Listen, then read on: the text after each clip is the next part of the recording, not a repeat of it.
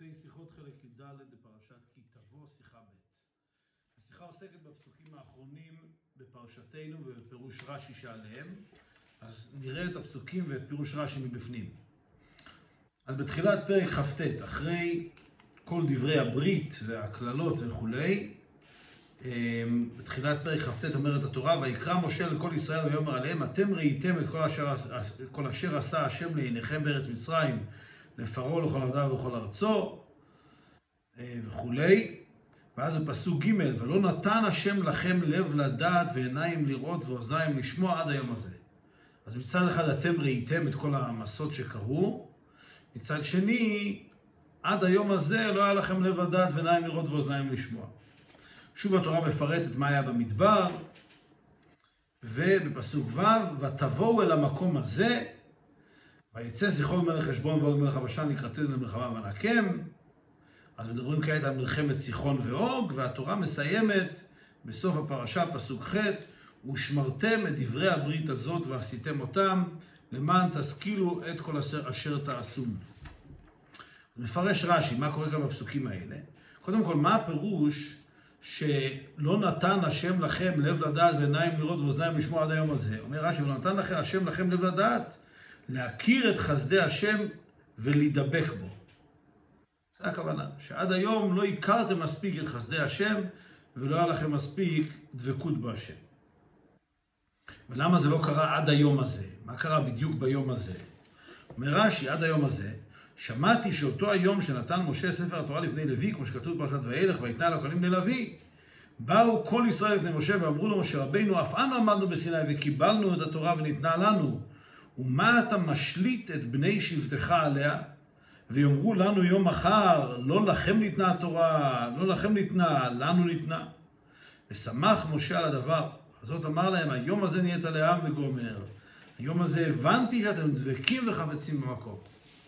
כלומר, מפרש רש"י שאכן משהו מיוחד קרה באותו יום.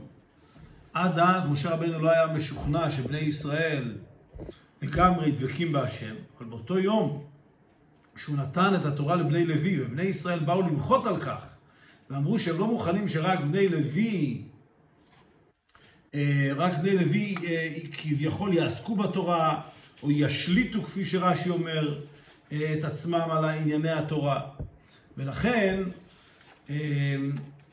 הוא שמח מאוד לראות שבני ישראל מעוניינים בקבלת התורה בעצמם, ולכן הוא אומר, היום הזה אכן נהיית לעם, היום הזה כבר אתם כן מעוניינים וכן דבקים בהשם.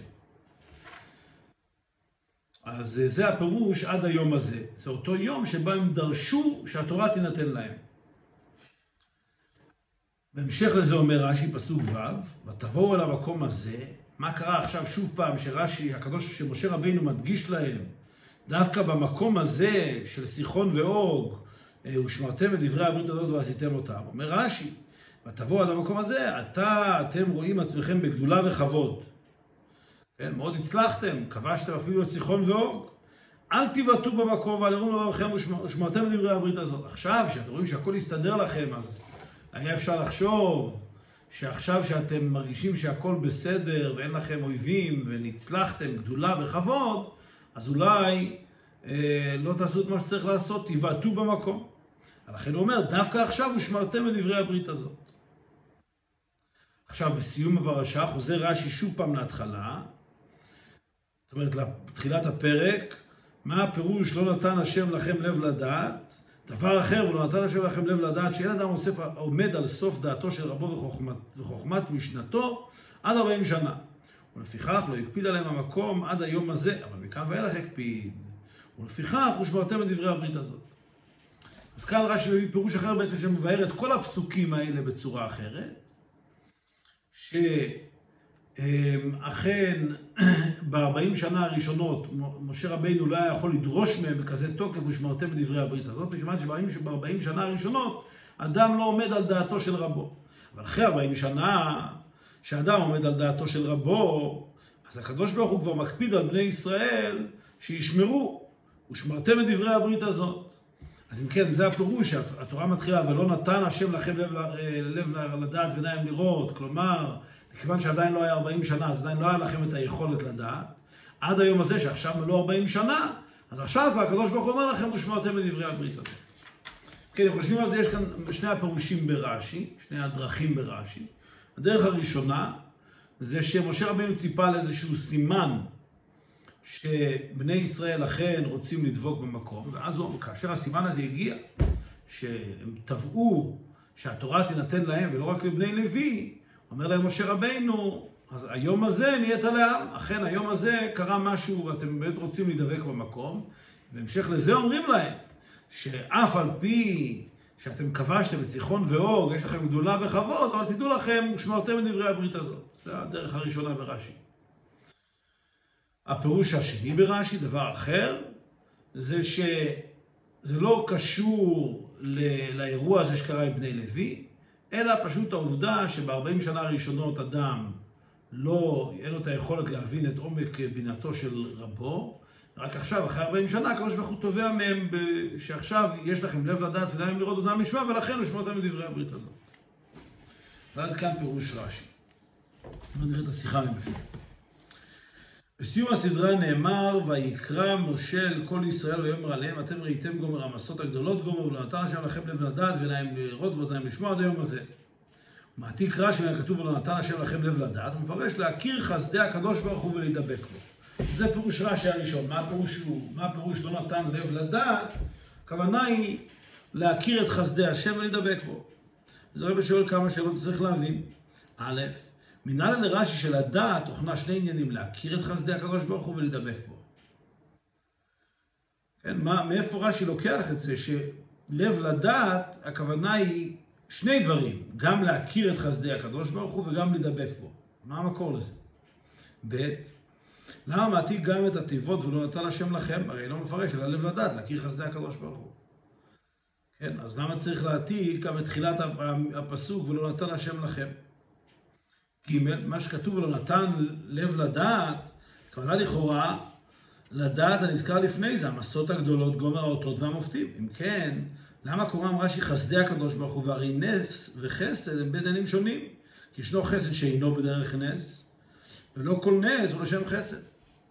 רש"י מגדיר פה את הדברים חסדי השם, אבל האמת היא שהתורה מתחילה במילים אמ, אתם ראיתם את כל אשר עשה השם לעיניכם בארץ מצרים. מה זה? המסות הגדולות אשר ראו עיניך. ועל זה התורה אומרת, ולא נתן השם לכם לב לדעת. אז אם כן, התורה מתייחסת כאן לכאורה, לניסים. אז למה רש"י מגדיר אותם כחסדים, חסדי השם? הרי חסד ונס זה שני דברים שונים. יש חסד שהוא לא בהכרח בדרך נס, ולא כל נס הוא בהכרח חסד. יש, חסד, יש ניסים שהם לא באופן של חסד. אז למה רש"י מגדיר את זה דווקא כחסדי השם? מילים אחרות, למה לא, רש"י לא עומד כפשוטו? ולא נתן השם לכם לב לדעת, זה להבין את האותות והמופתים שעליהם התורה מדברת.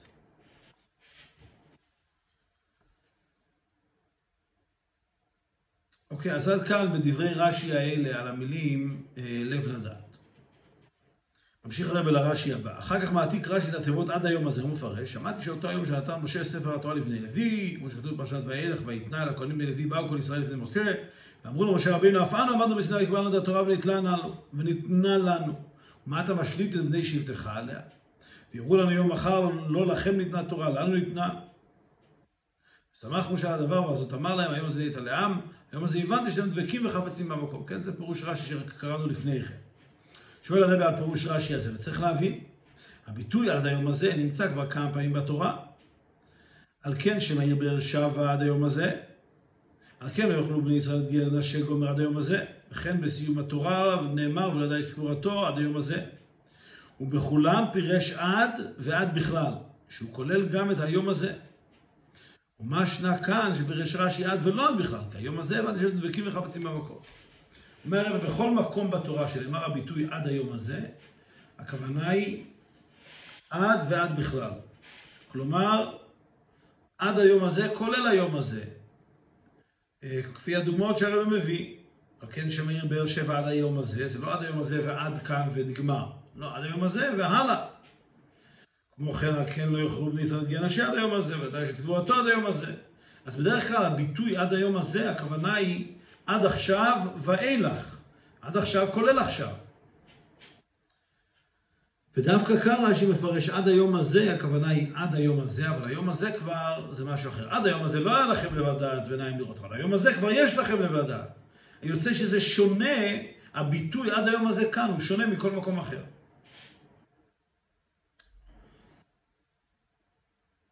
אז השאלה היא למה, למה רש"י בוחר כאן פירוש כזה שמשנה את המילים עד היום הזה מהמשמעות הרגילה שלהם בתורה. הרב מוסיף, ובפרט שרש"י מקדים ומדגיש, לפירוש זה רק שמעתי, זאת אומרת שלא מצא זה בדברי רז"ל, אלא שמע כן לרבותיו. זה גם לא איזה פירוש שכתוב בחז"ל, זה פירוש שרש"י שמע, אבל רש"י מאמץ את הפירוש הזה כפירוש הראשון והעיקרי. אז זו שאלה נוספת על רש"י, אה, על הרש"י הזה. אה, עכשיו הרב מוסיף עוד כמה שאלות. גם צריך להבין כמה דיוקים מפירוש רש"י. בטענת בני ישראל נאמר, וקיבלנו את התורה וניתנה לנו. לכאורה איפכא אבל אלה מי אומר, תחילה ניתנה לנו, ואחר כך קיבלנו אותה. דיוק פשוט. בלשון של רש"י כתוב ש, שבני ישראל טוענים, הרי גם אנחנו קיבלנו את התורה, וגם לנו היא ניתנה. אז למה רש"י אומר את זה בסדר הפוך? קודם קיבלנו ואחר כך היא ניתנה לנו. לכאורה הסדר צריך להיות קודם היא ניתנה לנו, ואז קיבלנו אותה. אז זה דיוק ראשון כאן. עוד דיוק, הטענה הוא מה, אתה משליט את בני שבטך עליה, משהו שהתורה שייכת לכל בני ישראל, שבני לוי יתרון ושליטה עליה. על פי ההמשך שלך שוב יאמרו לו ניתנה לכם, עדיף, עדיף אבל אלה מימר. מה אתה נותנה לבני שבטך? בפרט שסיבת החשש פירש רש"י, שהיה זה שנתן משה ספר התורה לבני לוי. הלשון של רש"י באמת תמוה. רש"י משתמש כאן בביטוי שבני ישראל אמרו למשה רבינו, אתה משליט את בני שבטך על התורה. לכאורה בני ישראל אומרים הרבה יותר מזה. הם לא אומרים ש, שמשה רבינו משליט את בני שבטו על התורה, הם בעצם אומרים שהוא נותן להם את התורה באופן כזה שיכול לגרום שהם יגידו לבני ישראל שהתורה היא לא ניתנה להם רק לבני לוי. אז הלשון לא היה צריך להיות משליט את בני שבטך, הלשון היה צריך להיות מה אתה נותן את התורה לבני שבטך, שזה יהיה שלהם כאילו, ואז יש חשש שבכלל אה, לא יהיה שלנו. אז מה זה, מה פשר הביטוי הזה שאתה משליט את בני לוי עליה? ג' דיוק נוסף, על פי סדר הדברים לכאורה מתאים יותר לומר ויאמרו לנו חולו לא לנו ניתנה ומזה ראיה שלא לכם ניתנה וברש"י ובסדר הפוך. עוד דיוק שהוא באמת אה, בולט לעין. הלשון של רש"י כאן, שמה אה, יאמרו, מה, מה חוששים בני ישראל שבני לוי יאמרו להם, אה, ויאמרו לנו יום אחר, לא לכם ניתנה, לנו ניתנה. גם פה הלשון היא לא רגילה ולכאורה הפוכה מההיגיון. קודם צריכים להגיד לנו ניתנה, התורה ניתנה לנו ולא לכם. למה מתחילים בזה שהתורה לא לכם ניתנה, ואז חוזרים ואומרים לנו ניתנה? גם זה לשון קצת אה, משונה. אז הדברים האלה צריך להבין בפירוש רש"י. עכשיו פירוש רש"י הבא. אחרי זה בהמשך הפרשה נאמר, והולך אחרי ארבעים שנה גומר, לא בלו שלמותיכם גומר, לחם לא אכלתם ותבואו למקום הזה ויוצא זיכרון, וניקח את ארצם ושמרתם את דברי הברית הזאת. ומעתיק רש"י מן הכתוב ותבואו אל המקום הזה, הוא מפרש, עתה אתם רואים עצמכם בגדולה וכבוד, אל תיבטאו במקום ואל יראו ממבכם, ושמרתם את דברי הברית הזאת. כן, אז פה רש"י אומר שדווקא כאן בסיחון ואוג, כשבני ישראל היו במצב של רוממות, וגדולה וכבוד, אז התורה מזהירה אותנו שמרתם את דברי הברית הזאת. שואל הרב, וצריך להבין. א', מה קשה ב"ותבואו אל המקום הזה שרש"י בא לתרץ על ידי פירושו, עתה אתם רואים עצמכם חולו. אמ, לכאורה, במילים, המילים ותבוא על המקום הזה, הם, אה, אפשר להבין אותם כפשוטם. הם הגיעו למקום הזה, ומה קרה במקום הזה? היה מלחמת סיחון ואוג. אז למה רש"י צריך פה לפרש איזשהו משהו אחר, שהמקום הזה הכוונה היא שנמצאים בגדולה וכבוד? למה אי אפשר לומר שזה פשוט, הפירוש כאן, הסיפור של המאורעות, שבמקום הזה היה מלחמת אה, סיחון ואור. אז מה היה קשה לרש"י במילים ותבוא למקום הזה? לאידך, בכל הכתובים שלפני זה מדובר בניסים שקורים לבני ישראל, וכן להלן בכתוב זה עצמו, ממשיך בסיפור הניצחון ניסים במלחמת סיחון ואור. ואיך ייתכן שביחד עם הזכרת הניסים שראו בני ישראל, שעל ידי ניסים ויאמינו בהוואי וכיוצא בזה, בא כתוב לטהרם במצב כזה שצריך להזהירם, אל תיבטאו במקום חול. אז גם לפי הפירוש הזה, הפסוקים כאן לא כל כך מובנים. מכיוון שהפסוקים מתחילת פרק כ"ט, הפסוקים מתארים את המסות הגדולות, את כל הדברים הנפלאים שבני ישראל ראו אה, מאז יציאת מצרים. אז לכאורה התורה באה לפרט כאן את גודל הניסים שקרו לבני ישראל, כולל מלחמת סיחון ואוג. אז למה בתוך הניסים האלה, שבדרך כלל נס, זה דווקא דבר שהפוך, שמעורר את בני ישראל להכיר בקדוש ברוך הוא, בגדולתו. דווקא בתוך הניסים האלה אנחנו אומרים שמצד זה שיש לכם גדולה וכבוד, אתם עלולים לבעוט במקום. לכאורה זה קצת לא הפשט הפשוט בפסוקים, הפסוקים פה באו להגיד הפוך. איך שבני ישראל ראו את ניסי, ניסיו של הקדוש ברוך הוא, ולא את העובדה שהם הולכים לבעוט במקום. ג'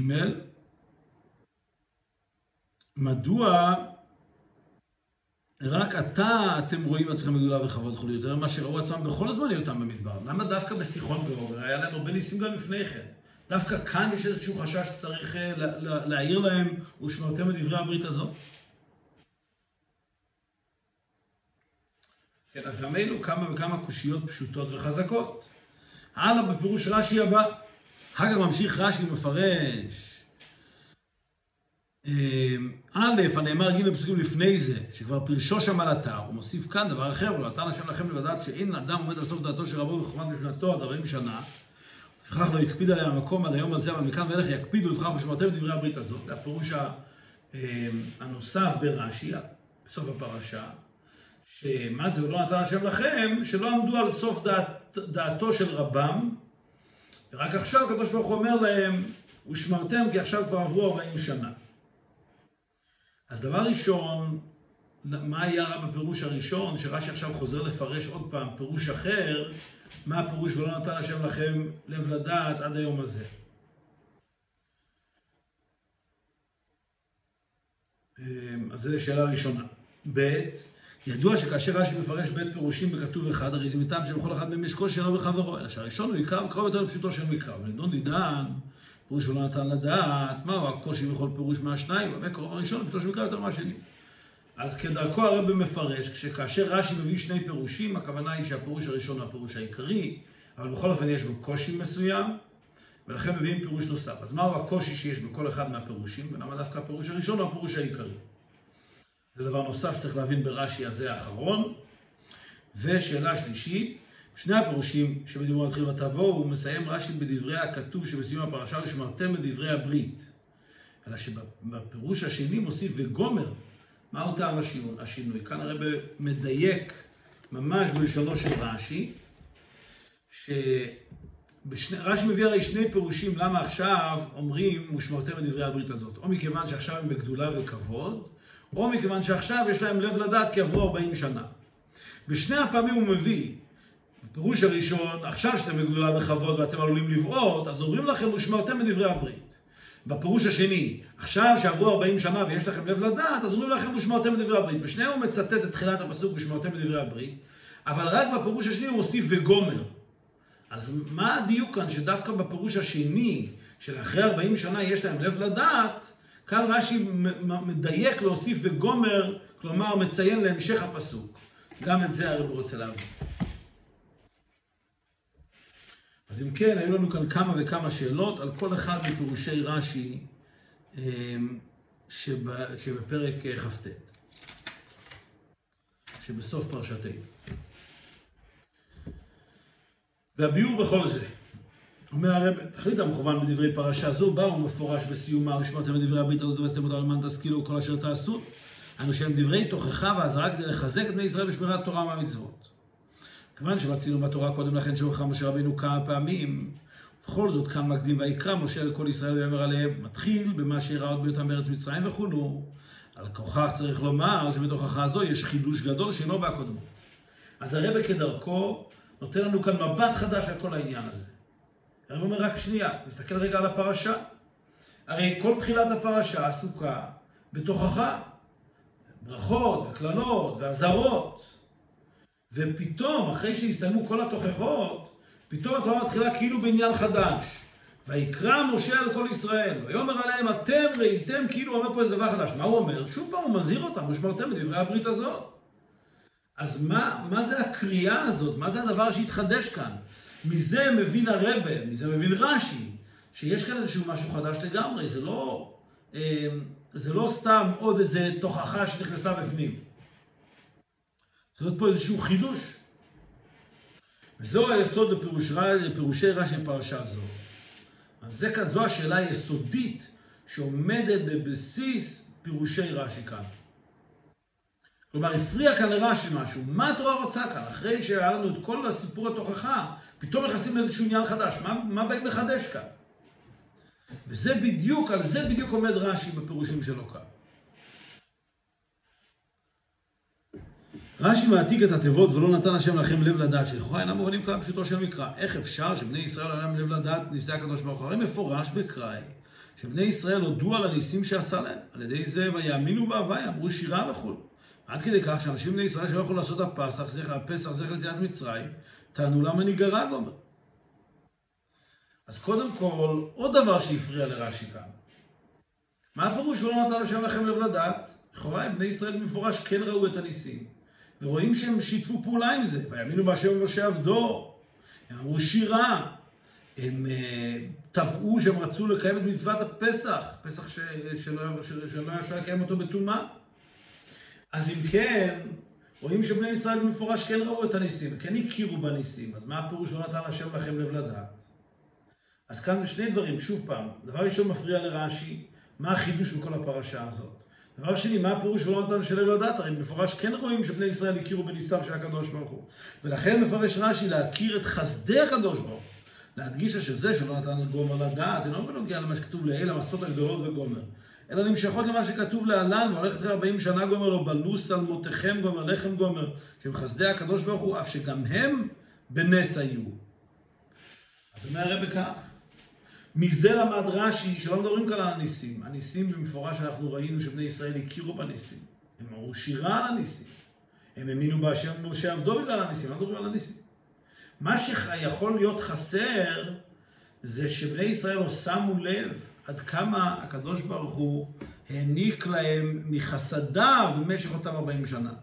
ולכן גם בפסוקים כאן, יש לנו בעצם שני, שני עניינים בפסוקים. קודם התורה מדברת על המסות הגדולות, שזה הניסים שקרו לבני ישראל, האותות והמופתים. ואחר כך הוא מדבר על חסדי השם. לא בלמוס, לא בלוס על מותיכם מעליכם ונעלך לא בלתם, ונעלך לא, לא בלתם על רגליך. אז יש את הניסים של הקדוש ברוך הוא ויש את חסדי הקדוש ברוך הוא. אומר הרב, ולא נתן השם לכם לב לדעת. זה מוסב על החסדים, לא על הניסים. כי הניסים מפורש רואים שכן היה להם לב לדעת. רק החסדים לא היה להם בהכרח לב לדעת.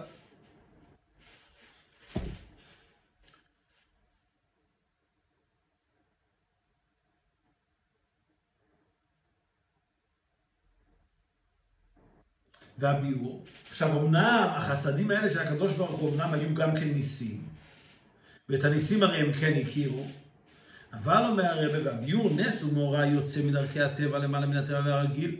שכאשר הנהגה, ניס, כאשר הנהגה ניסית מסוימת נמשכת זמן רב, והאדם מתרגל בה, שוב אינו מרגישה כעניין ניסי, אלא כדבר טבעי, ועל דרך הרגל נעשה טבע, וכן בנידון נידן. כיוון שנמשך 40 שנה, הרי מה שנרגש ונגלה לעיני כל, הוא רק זה שהם חסדי הקדוש ברוך הוא. זאת אומרת, אומר הרב, הם אכן בני ישראל, מצד אחד, את הניסים רואים שהם הכירו, מצד שני, הניסים האלה, שהם היו חסדיו של הקדוש ברוך הוא, בני ישראל לא הסתכלו עליהם כניסים בכלל. כלומר שזה היה דבר רגיל, מדברים פה על החסדים של הקדוש ברוך הוא, שהראו במשך 40 שנה רצופות. הלכה לבלטה מעל רגליך, לחם לא אכלת.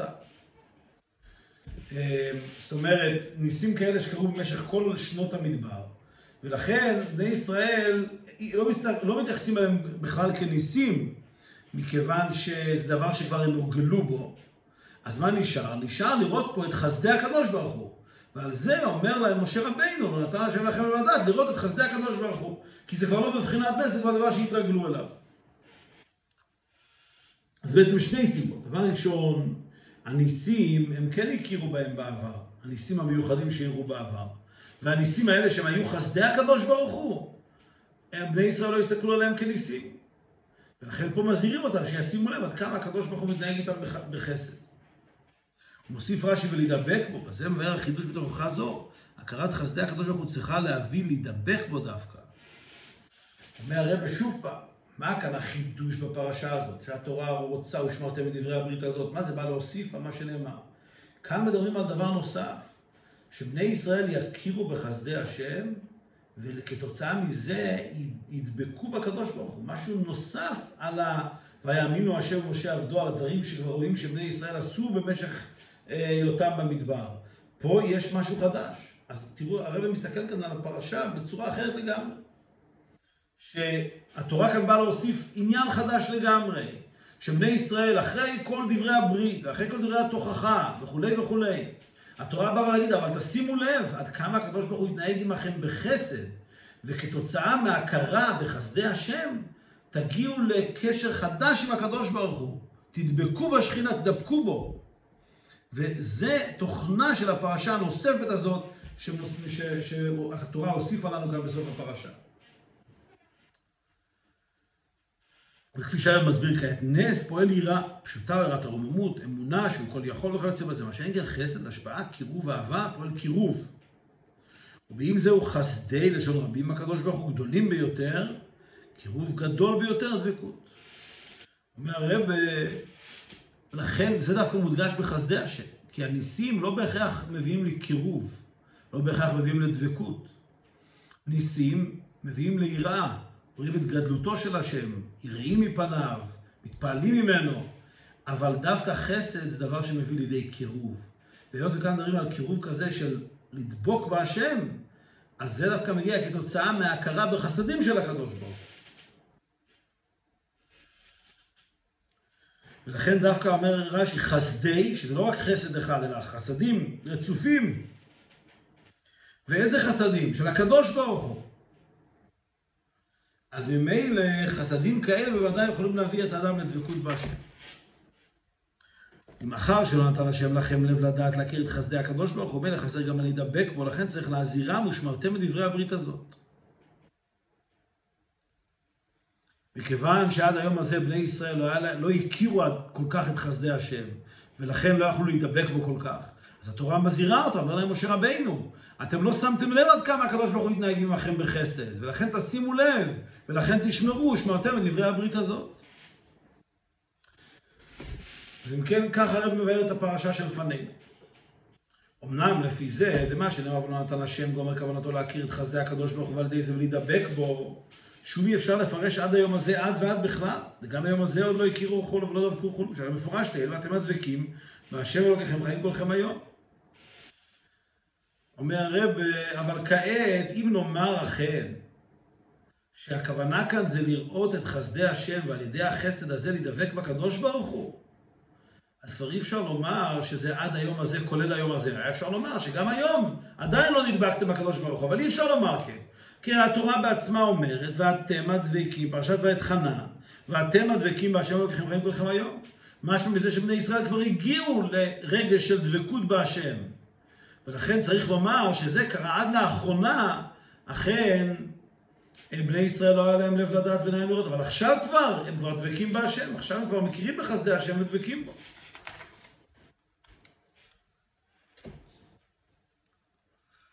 אף שבדוחק יש לומר שאף על פי שהלשון בכתוב הוא הדבקים סתם, הרי זה בא בהמשך לסמוך לו, כדי מוכרח מה שכתוב, ואתם בו' וישר הלך השם אחרי בעל פאור, מה שאין כן אתם בהפך מזה ומן הקצה לקצה, לא הלך, הולכים אחרי השם אלוקיכם, יתרה מזו דבקים בהשם אלוקיכם.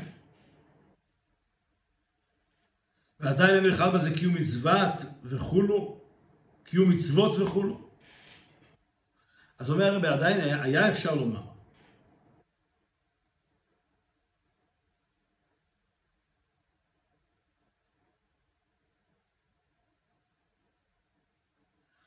אמ, היה אפשר לומר שהלשון אתם הדבקים בהשם אלוקיכם שנאמר לפני כן, לא הכוונה,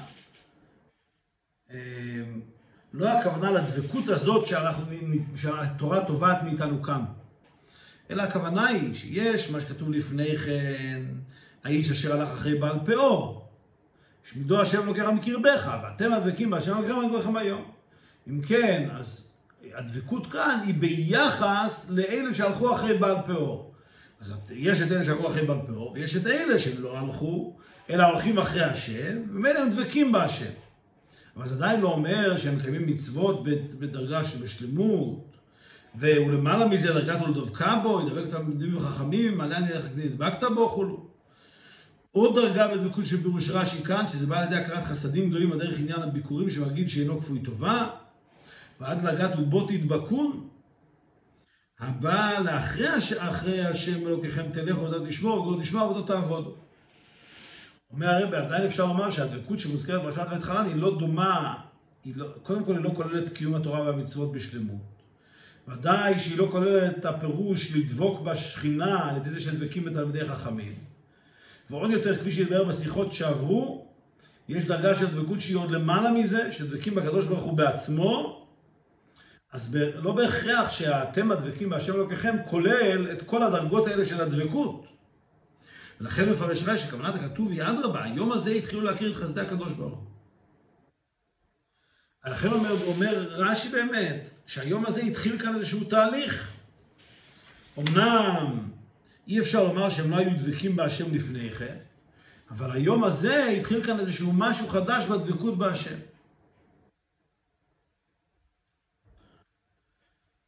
אבל לפי זה נשאלת השאלה, איזה חידוש ראה משה היום הזה שלא ראה לפניו? לכן מפרש רש"י, שמעתי שאותו היום וכולו. אז רש"י בא, בא לומר שאומנם הדבקות בהשם קיימת כבר, אבל היום הזה קרה משהו מיוחד. מה קרה? והביור בזה ועל פיו יבנו דברי הדיוק, אה, גם הדיוקים הנ"ל לסעיף ב'. טעם הדבר שספר התורה ניתן ללוי ולא לכל ישראל, אבל בפשטות, בני לוי נבדלו מבני ישראל לשעות בקודש. נאמר להם שלא יהיה להם חלק ונחלה בארץ, והם לגיונו של מלך קדוש ברוך הוא וכו'. ולכן הם לגיון שיגן על קיום תורתו. ולכן גם ילמדו את בני ישראל תורה וכו'. אז מה קרה היום? אנחנו יודעים שהתורה ניתנה לבני לוי, מכיוון שהם תפקידם לשרת בקודש. הם צריכים להיות אלה שיעבדו את הקדוש ברוך הוא בשלמות ויורו משפטיך ליעקב. הוא מפורש בקראי שמציין כאן רש"י שנתן ספר תורה לנביאים נושא ארון ברית השם. הטענה היא רק מה אתה משליט את בני שבטך עליה חולו. הן הם שבני לוי הם המלמדים את התורה לבני ישראל, אבל זה שולטים על בני ישראל. אבל מה אתה חולו משליט עליה, על התורה? זאת אומרת, גם כאן נבין את מה שרש"י אומר. ברור שמשה רבינו רצה לתת את התורה לבני לוי, כי הרי זה תפקידם, להורות את התורה, לשמור על התורה ולהורות את התורה לבני ישראל. אבל מה שהפריע לרש"י כאן, מה ש... סליחה, מה שמפריע כאן לבני ישראל, והטענה שרש"י מפרש כאן, מה בני ישראל יטענו, זה למה אתה משליט את הלוויים על התורה. אמנם זה שהם אמורים ללמד אותה תורה אותנו, וזה שהם אמורים אה, להיות אלה שמשרתים את הקדוש ברוך הוא, זה מובן.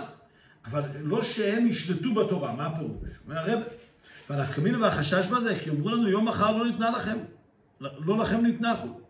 לאחר שניכנס לארץ ונתחיל בחלוקת החלק ונחלה ואחרי זה בעבודת האדמה וכולו. אז יאמרו לנו בני לוי, לא לכם ניתנה. אף שיש לכם שייכות לתורה, מחויבים בתורה ומצוות. מכל מקום לא ניתנה לכם, ולכן אתם שולטים עליה. כיוון שאנו שולטים עליה, הרי זו הוכחה שלנו ניתנה. לא הכוונה שבני לוי יאמרו לבני ישראל שהתורה בכלל היא לא שלכם, אין לכם שום חלק בתורה. לא, אבל הכוונה היא שאומנם התורה ניתנה לכם, יש לכם מצוות לקיים וכולי וכולי, אבל אנחנו שולטים בתורה. מי שיש לו את הזכות ללמד, לחדש, לפרש, זה קשור לבני לוי. הם, יש להם שלטון על התורה. וזה החשש של בני ישראל. אז במילים אחרות, עצם העובדה שמשה רבנו נותן את הצבע תורה לבני לוי זה מובן. ואי אפשר לצפות בני ישראל שהם אה, מבינים את זה גם כן. הם מבינים את זה שבני לוי זה התפקיד שלהם. אבל מה שכן, הם חוששים שבני לוי ייקחו איזשהו שלטון, איזשהו זכויות יתר על, על התורה שכאילו היא נתונה בידם. שההחלטות והדברים שקשורים בלימוד התורה ובהבנת התורה זה דבר שיש להם שלטון עליו. ועל זה אומרים בני ישראל, והמענה לטענה זו היא אף אנו עמדנו בסיני. התחילו ראש חודש סיוון, ואחר כך באמירה, כל אשר דיבר השם נעשה, שבא מענה ואתה, אם, אם אתה תקבלו עליכם כולו. קיבלנו את התורה, ואחר כך וניתנה לנו. לכן, הלשון הוא כאן, קודם קיבלנו, אחר כך לא ניתנה לנו. למה? כי בני ישראל פה לא מדברים על עצם העניין של מתן תורה, ודאי שהתורה ניתנה לכל בני ישראל. אבל בני ישראל אומרים, היות ואנחנו קיבלנו אותה בשלימות, אנחנו אמרנו מעשה ונשמע, אז התורה ניתנה לנו, נתנו לנו אותה במתנה, היא בשליטתנו, היא לא בשליטת בני לוי רק, היא בשליטתו של כל יהודי. כי כל יהודי קיבל את התורה, לכן הלשון הוא קיבלנו, ולכן ניתנה לנו. מכיוון שאנחנו קיבלנו אותה, אז לכן אי אפשר לבוא ולהגיד שבני לוי הם אלה ששולטים בה. היא ניתנה לנו. כששמע משה דברים אלו, שמחו לו, אמר היום הזה הבנתי שאתם דבקים וחפצים במקום. לא לבד שמודים ישראל לקדוש ברוך הוא על ניסמכו לו כנ"ל, שמכירים חסדי הקדוש ברוך הוא, דבקים וחפצים במקום. רש"י גם חוזר לאותו עניין, שככל שהם מכירים יותר את חסדי השם, אז הם דבקים וחפצים. או, זה ראינו את זה היום. שהם לא מוכנים להיפרד, הם רוצים שיהיה להם שליטה על התורה. שבני לוי לא יהיו אלה ששולטים בתורה, לבד. בהמשך לזה מעתיק רש"י, ותבואו אל המקום הזה. מפרש, רואים, אתם רואים מעצמכם חולו. עכשיו, מה רש"י בא להוסיף כאן עם העניין הזה של זיכרון ואוג, שבני ישראל רואים את עצמם בגדולה וכבוד. אומר, והביאו לכאורה תיבות ותבואו למקום הזה מיותרות. אם כוונת הכתוב להמשיך בסיפור ניסי הקדוש ברוך הוא ניצחון מלחמת זיכרון ואוג המפורש תכף, למה לא להקדים ותבואו למקום הזה? למה התורה בעצם מקדימה את זה? אם התורה רוצה לספר את הסיפור של מלחמת סיחון ואוג, יכולה לספר את הסיפור של מלחמת סיחון ואוג, למה צריך להדגיש שזה היה במקום הזה? ומזה מכריע אחרי שכוונת הכתוב היא לא להמשך סיפור הניסים, כי מתחילת עניין חדש. ביור, למה הוא צריך משה להזהיר את בני ישראל עכשיו שידבקו במקום? למה, רש"י למד מזה, שדווקא ותבואו על המקום הזה, ברגע הזה שהגעתם למקום הזה, פה דווקא צריך להזהיר אתכם. מה קרה? אומר הרב, עד עתה היו בני ישראל תלויים בחסדי הקדוש ברוך הוא דבר יום ביומו, לא נתן מן המן ליום מחר, ואין מקום כל כך שיבטאו במקום. בני ישראל היו תלויים לגמרי בהשם, ולכן אין כל כך חשש. אבל כאשר ותבואו למקום הזה, קצה וסוף זמן היותם מדבר, ונכנסים לארץ נושבת, שאז אין צורך במן וכולו. עתה אתם רואים לעצמכם גדולה וכבוד. ולכן יש לחשוש שבמשך הזמן, וחסדי הקדוש ברוך הוא לא נגלים, ובני ישראל תעסקו בענייני פרנסה בדרך הטבע. ואספת את גניך, תירושך ויצריך, תיבטאו במקום וירום לבבכם.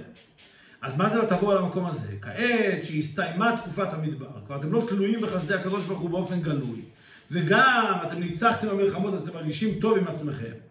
צריך להזהיר אתכם ושמרתם את דברי הברית הזאת. כמבואר בקרא לעיל, ורם לבביך ושכחת כל ואמרת, רכיבו עוצם ידי, עשה החיל הזה, אז פה צריך להזהיר אותם. הוא מדייק רש"י גדולה וכבוד, להגדיל החשש דירום לבבכם, גדולה שייכת גם באדם לעצמו, שמכין את עצמו למציאות. כבוד הוא מה שהזולת מחשבו ומכבדו.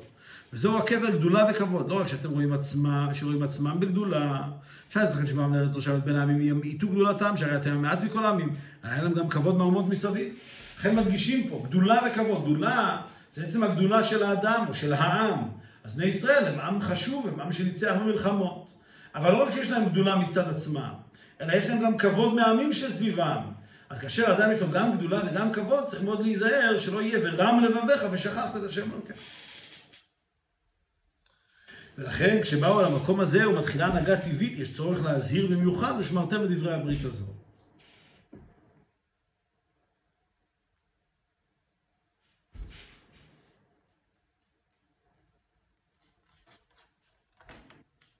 אז למה זה דווקא כאן? למה דווקא בעניין של מלחמת סיחון ואוג? אומר הרב, אבל קשה, אחר ותבוא אל המקום הזה, נאמר מיד ויצא סיחון ואומר, סיפור מלחמת סיחון ואוג, סיפור נס וגם חסד שאירע לבני ישראל, ובהמשך לניסים והחזים שנמנו לפני זה. ואיך מתאים להפסיק לפני סיפור זה, ב"ותבואו אל המקום הזה", שבא להדגיש סיום תקופה הקודמת והתחלת בואם לארץ נושבת והנהגה טבעית? לכאורה, עם כל ההדגשה כזה שבני ישראל נכנסים לארץ והם לא יהיו תלויים בחסדי השם, אז למה מדגישים את הסיפור של מלחמת סיחון ואוג? הרי מלחמת סיחון ואוג זה עצמו היה נס של הקדוש ברוך הוא. לכאורה צריך להדגיש את זה שנכנסים לארץ, לא את זה שמגיעים כעת ממלחמת סיחון ואוג. והביאור בזה, לפי זה הכוונה, לפירוש זה הכוונה כאן להסביר במלחמת סיחון ואוג, היא לא להדגיש את הנס שבדבר, אלא להפך, דבר שבו יכולים ישראל לראות עצמם גדולה בכבוד. כיבוש ארץ סיחון ואוג שהייתה כמשל כתוב לנחלה לרוב ונגומר. ועל פי זה יובן השינוי שבסיפור מלחמה זו, פרשתנו לגבי סיפור מלחמה זו עצמה פרשה, ליל פרשת דברים. על דרך זה בנח. שם מדייק רע, ויתנו השם אלוקינו לפנינו ונח אותו, ויתן השם אלוקינו בידינו ונקהו. בהדגשה שצריכון השם היה מאת השם, כאילו כאן כתב קרב ונקם וניקח גומר, בלי להזכיר שמת השם הייתה הזאת, וכנ"ל. כאן כוונת הכתוב להדגיש האפשרות שבני ישראל יראו עצמם בגדולה וכבוד, כוחי ועוצם ידי ונקם גומר. אומר הרב מדגישים כאן שהסיפור של מלחמת ואוג, בני ישראל היו יכולים להסתכל על זה כבר באופן של ניצחון אישי שלהם. מכיוון שקודם כל, זה ארץ שהם כבשו והם הולכים לגור בה. עד עכשיו הניסים שהיו, היו ניסים מחוץ לארץ שהם כבשו לעצמם. אבל פה הרי ארץ סיחון ואוג, נתנו אותם אה, לשבט הראובני ולגדי וכולי. אם כן, זה ארץ שהם כבשו על מנת לגור בה. אז פה אדם יכול לטעות ולהתחיל לקחת את, ה, את הניצחון לעצמו ולהגיד, הנה, אנחנו ניצחנו, ולכן התורה גם מדגישה שלא השם אלוקינו הפיל אותם בפנינו, כמו שמודגש במקומות אחרים, אלא כאן כאשר מדברים על ההסתכלות של בני ישראל כעת, עלול להיות מצב שהם יחשבו שזה אנחנו הכינו אותם ואנחנו לקחנו את ארצם. לכן כתוב ונקם וניקח את ארצם. לכן אומרים, עכשיו הגעתם למקום הזה, ופה יש חשש שאתם תיקחו לעצמכם גדולה וכבוד, אז מזהירים אתכם ולשמרתם בדברי הברית הזאת. ועדיין קשה. א', בפירוש ולא נתן השם לכם לדעת להכיר את חסדי הקדוש ברוך הוא. בלשון הכתוב ולא נתן השם לכם גומר, משהו שהעיכוב בזה היה לא מצד בני ישראל, אלא מצד הקדוש ברוך הוא. אז יש לנו בעיה עם הפירוש הזה. אילו נאמר שזה מגיע מצד זה, מה הפירוש ולא נתן השם לכם? מצד זה שבני ישראל לא מספיק הכירו את חסדי השם, הרי זה בעיה שלהם. אז למה הפסוק אומר ולא נתן השם לכם, כאילו זה איזה מניעה שמגיעה מצד הקדוש ברוך הוא. דבר נוסף, ב', פירוש עד היום הזה, אותו היום שנתן משה ספר התורה, לפי זה פירוש עד, ובלא עד בכלל, דלא כבכל מקום. כן, אם אנחנו באמת אומרים שעד היום הזה הכוונה היא עד שמשה רבינו נתן את הספרי תורה, את הספר תורה לשבט לוי, אז יוצא שעד היום הזה זה לא עד בכלל, שזה שונה מכל הפעמים האחרות שמופיע הביטוי הזה בתורה. בנוסף לזה, לפי זה ויתנה אל הכהנים גומר של פרשת ואילך, אירוע קודם לנאמר פרשתנו, אירע קודם לנאמר פרשתנו, וידבר משה גומר, היום הזה נהיית עליה. לפי הפירוש הזה יש עוד קושי. כי מה שכתוב, שמשה רבנו נתן את התורה לכהן, לבני לוי, זה מסופר בפרשת וילך. ומה ש... אם נאמר שהיום הזה, שהוא אומר עד היום הזה, הכוונה היא עד אותו יום שהוא נתן לבני לוי את ספר התורה יוצא, שמה שמשה רבינו אומר כאן, ויקרא משה לכל ישראל, זה קרה אחרי מה שנאמר בפרשת וילך, שזה שהוא נתן את התורה לבני לוי. כפי שאני מציין, אמנם אין מוקדם מאוחר בתורה, אבל בעניין אחד, לפי כולם יש, יש כן סדר בתורה. אז יוצא כאן שגם באותו עניין שעוסקים כאן, בנתינת התורה, אה, בדברי משה רבינו האחרונים, אז הדברים נאמרו בתורה שלא בסדר הנכון. כי קודם נאמר שמשה רבינו קרא לבני, לבני ישראל, והזהיר אותם ביחס דבר שהוא נאמר רק בפרשת וילך. אז זה עוד קושי בפירוש הזה, וקושי נוסף.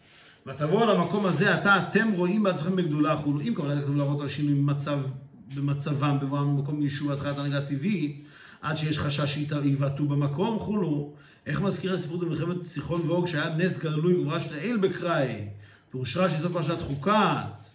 ולא הווה ליה למימה רק ותבואו למקום הזה, מקום יישוב, ולכן צריך להזהירם ושמרתם גומר. אני אומר, עדיין יהיה לנו קשה, למה צריך להדגיש את הסיפור של סיחון ואוג? היה אפשר פשוט לדבר על זה שבני ישראל מגיעים לארץ והם יכולים, במצב של גדולה וכבוד. למה צריך להדגיש את הניצחון של סיחון ואוג? זה עצמו גם כן מעורר כאן איזה קושייה. ולכן דווקא לאחרי שלמדנו פירוש ותבואו גומר, קשה פירוש על נעל ולא נתן גומר לדעת צריך להיות. או, אז עכשיו, צריך לומר, כלומר ככה. עכשיו, אחרי שלמדנו את הפירוש הזה, ונתקשינו בכל השאלות האלה, מה הפירוש לא נתן השם לכם לב לדעת, הרי זה לא דבר שהקדוש ברוך הוא מנע מהם. וכל העניין הזה שעד היום הזה לא מסתדר, ולמה צריך להדגיש על ציחון ואוג? אז דווקא כאן, כשאנחנו רואים את כל הקושיות האלה, זאת אומרת, בסוף פירוש רש"י, אחרי שהוא הביא לנו את כל המשך העניינים, וראינו את כל הקושיות שנוצרו עם הפירוש שהיה עד עכשיו. עכשיו שסיימנו את כל הפירוש הזה לכל אורכו, וראינו את הקושיות, אז כעת רש"י אומר, צריך לומר, דבר אחר, ולא נתן השם לכם לדעת שאין אדם עומד חולו עד 40 שנה. ולפיכך לא הקפיד עליכם המקום עד היום הזה, אבל מכאן ואילך הקפיד לפיכך ושמרתם לדברי הברית הזאת. לכן, רש"י דווקא כאן מביא, בסוף מביא את הפירוש השני. ולפי זה, זאת אומרת, מובן כעת למה רש"י לא הביא את הפירוש השני מיד בהתחלה על המילים ולא נתן השם לכם לב לדעת. ולפי זה הרווחנו מכל קושיות של הפירוש הראשון. הפירוש השני אכן מתרץ את כל שלושת הקושיות. שאלנו מה הפירוש ולא נתן השם לכם, הרי זה לא ביד, ביד זה, לא, זה לא דבר של מניעה מהקדוש ברוך הוא, זה מניעה שלהם. אבל לפי הפירוש השני זה אכן מניעה מהקדוש ברוך הוא. מכיוון שזה זה בר, סדר הבריאה של הקדוש ברוך הוא, שאדם רק מבין אחרי 40 שנה. לא נתן השם לכם, כי ברא השם את האדם ונתן לו לב חולו באופן שאינו עומד חולו על 40 שנה. אז כמובן הלשון לא נתן השם לכם. היום הזה היה בתוך וסיום 40 שנה. ועד עתה לא היה להם לב לדעת, הפירוש עד היום הזה הוא עד ועד בכלל. כי בכל מקום, ולא מקפיד, אבל מכאן ואילך יקפיד. כלומר, עד היום הזה, זה אכן, כולל היום הזה, עדיין אין להם לב לדעת, כי זה עדיין בתוך 40 שנה. ורק בהמשך, בני ישראל יקבלו את אותו לב לדעת ולהם לראות. לכן הפירוש השני, באמת מתאים שעד היום הזה הוא כבכל מקום, עד ועד בכלל. והשאלה השלישית ששאלנו, מה נוגע כאן לסיפור של מלחמת ואוג, שטיחון ואוג? והרב בא בהמשך לניסים של הפסוקים הקודמים, ועכשיו שיש לכם לב לדעת חולו, עליכם להתבונן בכל הניסים האלה, ולפיכך ושמרתם בדברי הברית הזאת. כמובן, כי לפי הפירוש הזה, אנחנו לא מדברים על הגדולה וכבוד ועל זה שבני ישראל יבעטו בקדוש ברוך הוא אנחנו מדברים על זה שבני ישראל יהיה להם לב לדעת ועיניים לראות. אז דווקא כאן, מדברים על מלחמת סיחון ואוג, ואומרים להם, תראו את הניסים הגדולים, כולל מלחמת סיחון ואוג, וכל הדברים האלה עד, עד עכשיו לא היה לכם לב לדעת, אבל עכשיו יש לכם לב לדעת, או יהיה לכם לב לדעת. אז הפירוש השני באמת, בו, לפי הפירוש השני, לא, קשור, לא קשות כל הקושיות שבפירוש הראשון. על פי זה מובן מה שפירוש זה מוסיף רש"י וגומר, מה שאין בפירוש הראשון. לפי הפירוש הראשון, הייתה אזהרת משה בכדי לשלול האפשרות שיבעטו במקום חולו. ולזה נוגע כל כך הפרטים של הפסוק ושמרתם. רק נקודה כללית, ושמרתם את דברי הברית הזו, הפך דיבעטו במקום חול. אבל הפירוש השני, אזהרת משה בא מפני שמכאן ואילך עמדו על דעת רבם וחוכמתו ומשנתו, עכשיו יקפיד. ולפיכך ושמרתם את דברי הברית הזאת וגומר, ועשיתם כיוון שיודעים דעת רבות, השכילו את כל אשר תעשו כיוון שיודעים חוכמת משנתו. והרי וכעת נבין גם למה דווקא הפירוש השני רש"י מוסיף את המילה וגומר. כיוון שבפירוש, לפי הפירוש הראשון, מה זה ושמרתם? כיוון שאתם כעת עלולים לבעוט במקום, אז אומרים לכם, תיזהרו ותשמרו ותשמרו. לא צריך לפרש את כל המשך הפסוק. אבל לפי הפירוש השני, שעד עכשיו לא היה לכם לב לדעת, אבל עכשיו יש לכם לב לדעת, אז המשך הפסוק הוא מאוד נוגע. מכיוון שיש לכם לב לדעת, אז לכן ושמרתם דברי הברית הזאת ועשיתם אותם למען תשכילו את כל אשר תעשון. עכשיו אתם במצב כזה שאתם כבר משכילים. יש לכם כבר את קיים הדעתי דרבה, אתם כבר יכולים להבין את דעתו של רבכם. אז אם כן, כעת יש לכם הבנה חדשה. אז נוגע כאן המשך הפסוק, למען תשכילו את כל אשר תעשו. לכן כאן מציין רש"י בבגומר. אלא שהפירוש, הש... אז אם כן, הפירוש השני נראה פירוש מצוין, למה הוא פירוש שני? לכאורה, שלפי זה יוצא שזה פירוש הפחות אה, פשוט. אומר הרב אלא שפירוש השני קשה, מה שנאמר ותבואו אל המקום הזה, א', תיבות אלה מיותרות לגמרי. שהשינוי מכאן אין תלוי בבואם אל המקום הזה, אלא בזמן 40 שנה. מה זה ותבואו על המקום הזה? זה לא נוגע בכלל למקום הזה, זה נוגע לכך שהגיע 40 שנה, ואחרי 40 שנה אדם קם על דעת רבו. ואת למה הפסיק ותבואו גומר בין ניסים הקודמים לנס מלחמת סיחון ואוג? גם הנס של מלחמת סיחון ואוג הוא אחד מכל הניסים האלה שעכשיו בני ישראל יכולים להבין כי עברו 40 שנה. אז למה אנחנו מפסיקים באמצע? אמ, כאילו מדובר פה על איזשהו דבר חדש, איזשהו עניין מיוחד מלחמת סיחון ואוג. שלפי הפירוש הראשון הדברים האלה מובנים. אמ, למה אומרים ותבוא עד המקום הזה? כי כעת הם הולכים להיכנס לארץ, הם פחות תלויים בניסי הקדוש ברוך הוא ולכן הם עלולים לבעוט.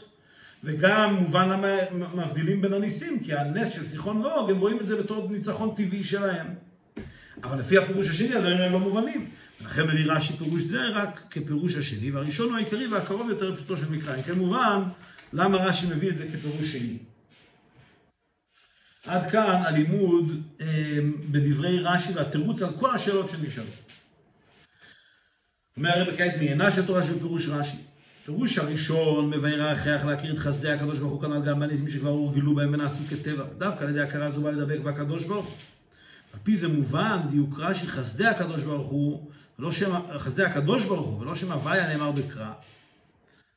אז הרב קודם כל מדייק שרש"י משתמש דווקא בלשון חסדי הקדוש ברוך הוא. לפי הפירוש הראשון, כפי שהסברנו, שכל כל התקופה הראשונה, בני ישראל אומנם ראו את הניסים, אבל לא, לא שמו לב עד כמה הקדוש ברוך הוא עשה איתם חסדים. אז פה מדגישים דווקא חסדי הקדוש ברוך הוא, למה? הוויה מורה על לוקותו יתברך שלמעלה מן הטבע, היה הווה ויהיה כאחד. הקדוש ברוך הוא שהוא הקדוש, מה שקדוש מובדל מן העולמות, ברוך, לשון המשכה נמשך למטה בתוך העולמות. היינו חסדי וניסי השם כפי שנמשכים בתוך הנהגת וטבע העולם.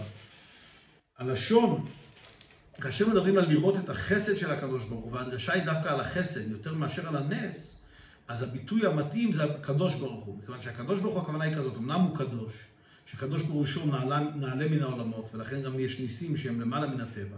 אבל הקדוש ברוך הוא, ברוך הכוונה היא דבר שנמשך למטה, כמו שמבואר בחסידות. אז אם כן, כאשר מדברים על חסדיו של הקדוש ברוך הוא, צריך להדגיש שהקדוש ברוך הוא זה שממשיך עליך חסדים. בדרך זה בסיום הדיבור של אחרי זה כותב, הבנתי שאתם חפצים ודבוקים במקום. בני ישראל הייתה להם הכרה באלוקותו יתברך גם כמו שנמשך בתוך מקום העולם בהנהגת הטבע. הוא פעל עליהם שיהיו חפצים ודבוקים במקום. לכן גם ההדגשה היא במקום. גם הלשון הזה, הביטוי הזה, לקרוא לקדוש ברוך הוא בשם המקום, זה גם מבטא את הקדוש ברוך הוא כפי שהוא מתלבש בעולמות, שהוא כביכול נמשך בתוך המקום של העולמות. ולכן, היות וכאן אנחנו מדברים על חסדיו של הקדוש ברוך הוא, וכתוצאה מזה הדבקות בקדוש ברוך הוא, אז משת... מתאים להשתמש דווקא בביטויים כאלה, שמבטאים את ההמשכה של האלוקות בעולמות. אולם כל זמן שהיו ישראל במדבר לא היה מקום כל כך לניסיון והיעדר ההכרה לחסדי הקדוש ברוך הוא. באמת כסדם לארץ, ארץ נושבת, פסק המן וכולו, והתחילו כמו שהארץ ועסקו בדיני העולם בכלל בדרכי הטבע, לכן שיבעטו במקום וכולו. לכן הזהיר משה ושמרתם את דברי הברית הזאת. למרות ההלם והסתר שבהנהגת הטבע כולו, צריך לשמור על הברית, שזוהי עבודה לקבלת עול שלמעלה מטעם ודעת. שעל ידי זה מבטלים ההלם דטבע. אומר הרב, דווקא בהמשך לזה, אמ, מכיוון שמגיעים כעת לארץ ישראל, ובארץ ישראל יש פחות יראו את ההנהגה אה, הניסית של הקדוש ברוך הוא, ואת חסדי הקדוש ברוך הוא הגלויים. לכן דווקא פה מזהירים אותנו, שמרתם דברי הברית הזאת. מה העניין של ברית? ברית מבטא מחויבות של האדם שהיא למעלה מטעם ודעת, שבלי שום חשבון. קבלת עול, פשוט מחויבות מוחלטת בלי שום שאלות. ואומר כאן הרב דבר נפלא, שככל שאדם יש בו, יש אצלו אה, גילויים, חסדים וכולי, אז דבר אחד, לפעמים אפשר לעבוד את הקדוש ברוך הוא רק באופן שמכירים את חסדיו. אבל דווקא כאשר מגיעים למצב כזה, שהחסדים של הקדוש ברוך הוא מתעלמים, אז פה צריך לחזק את הברית. פה צריך לה, להזכיר לבן אדם, ושמרתם את דברי הברית, שהעבודה שלך צריכה להיות כעת בלי שום חשבון, ובאופן שלמעלה מטעם ודעת. באופן שהמחויבות הזאת היא בסגנון של ברית, שזה עבודה של קבלת עול מוחלטת.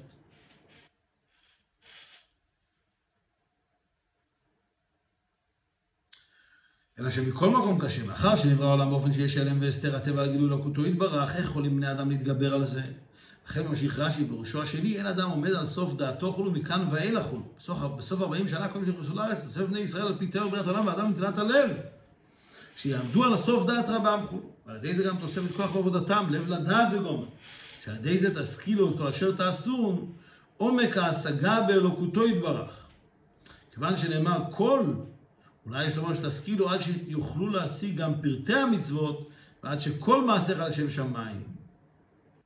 אומר הרב, כאשר אדם עובד את השם באמת בקבלת עול, כפי שכתוב כאן, ושנותן את דברי הברית,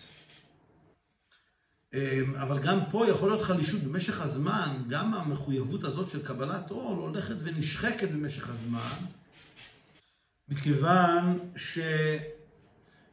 אמ, קבלת עול זה עבודה חזקה ביותר, וזו עבודה שאיתה אפשר להתגבר גם במצבים של העלם והסתר, אבל כאשר זה הולך ונמשך במשך הרבה זמן, שאין גילוי אלוקות וצריך לעבוד את השם רק בקבלת עול, אז זה הולך ונחלש.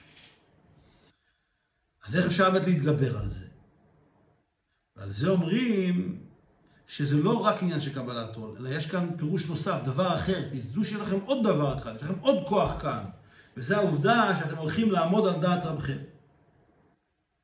וממילא יהיה לכם גם לב לדעת ועיניים לראות. זאת אומרת, קבלת עול בזמן קצר זה פתרון מוחלט. אבל כאשר מדובר על תקופה ארוכה, צריך בנוסף לקבלת עול, גם שיהיה לב לדעת ועיניים לראות ואוזניים לשמוע. לכן אומרים, ושמרתם בדברי הברית הזאת, אכן צריך שיהיה קבלת עול דברי הברית, אבל צריך גם שיהיה למען תשכילו. אתם תגיעו גם למצב שהקדוש ברוך הוא מברך אתכם ונותן לכם את הכוח, שגם תשכילו, שגם תבינו ושיעיר בכם אלוקות. ועל ידי זה תשכילו את כל אשר תעשו, אומר הרבה, שזה באופן כזה שההשכלה הזאת פועלת על האדם שכל מעשיך לשם שמיים. זה, ההשכלה הזאת פועלת על המעשים שלו, כל אשר תעשון, וכל אשר תעשו, כלומר כל מעשיך לשם שמיים, גם הדברים האלה שהם לא ממש תורה ומצוות, על ידי התשכילו, על ידי הלב לדעת ועיניים לראות ואוזניים לשמוע, אז כל המעשים של האדם יכולים להיות באמת לשם שמיים.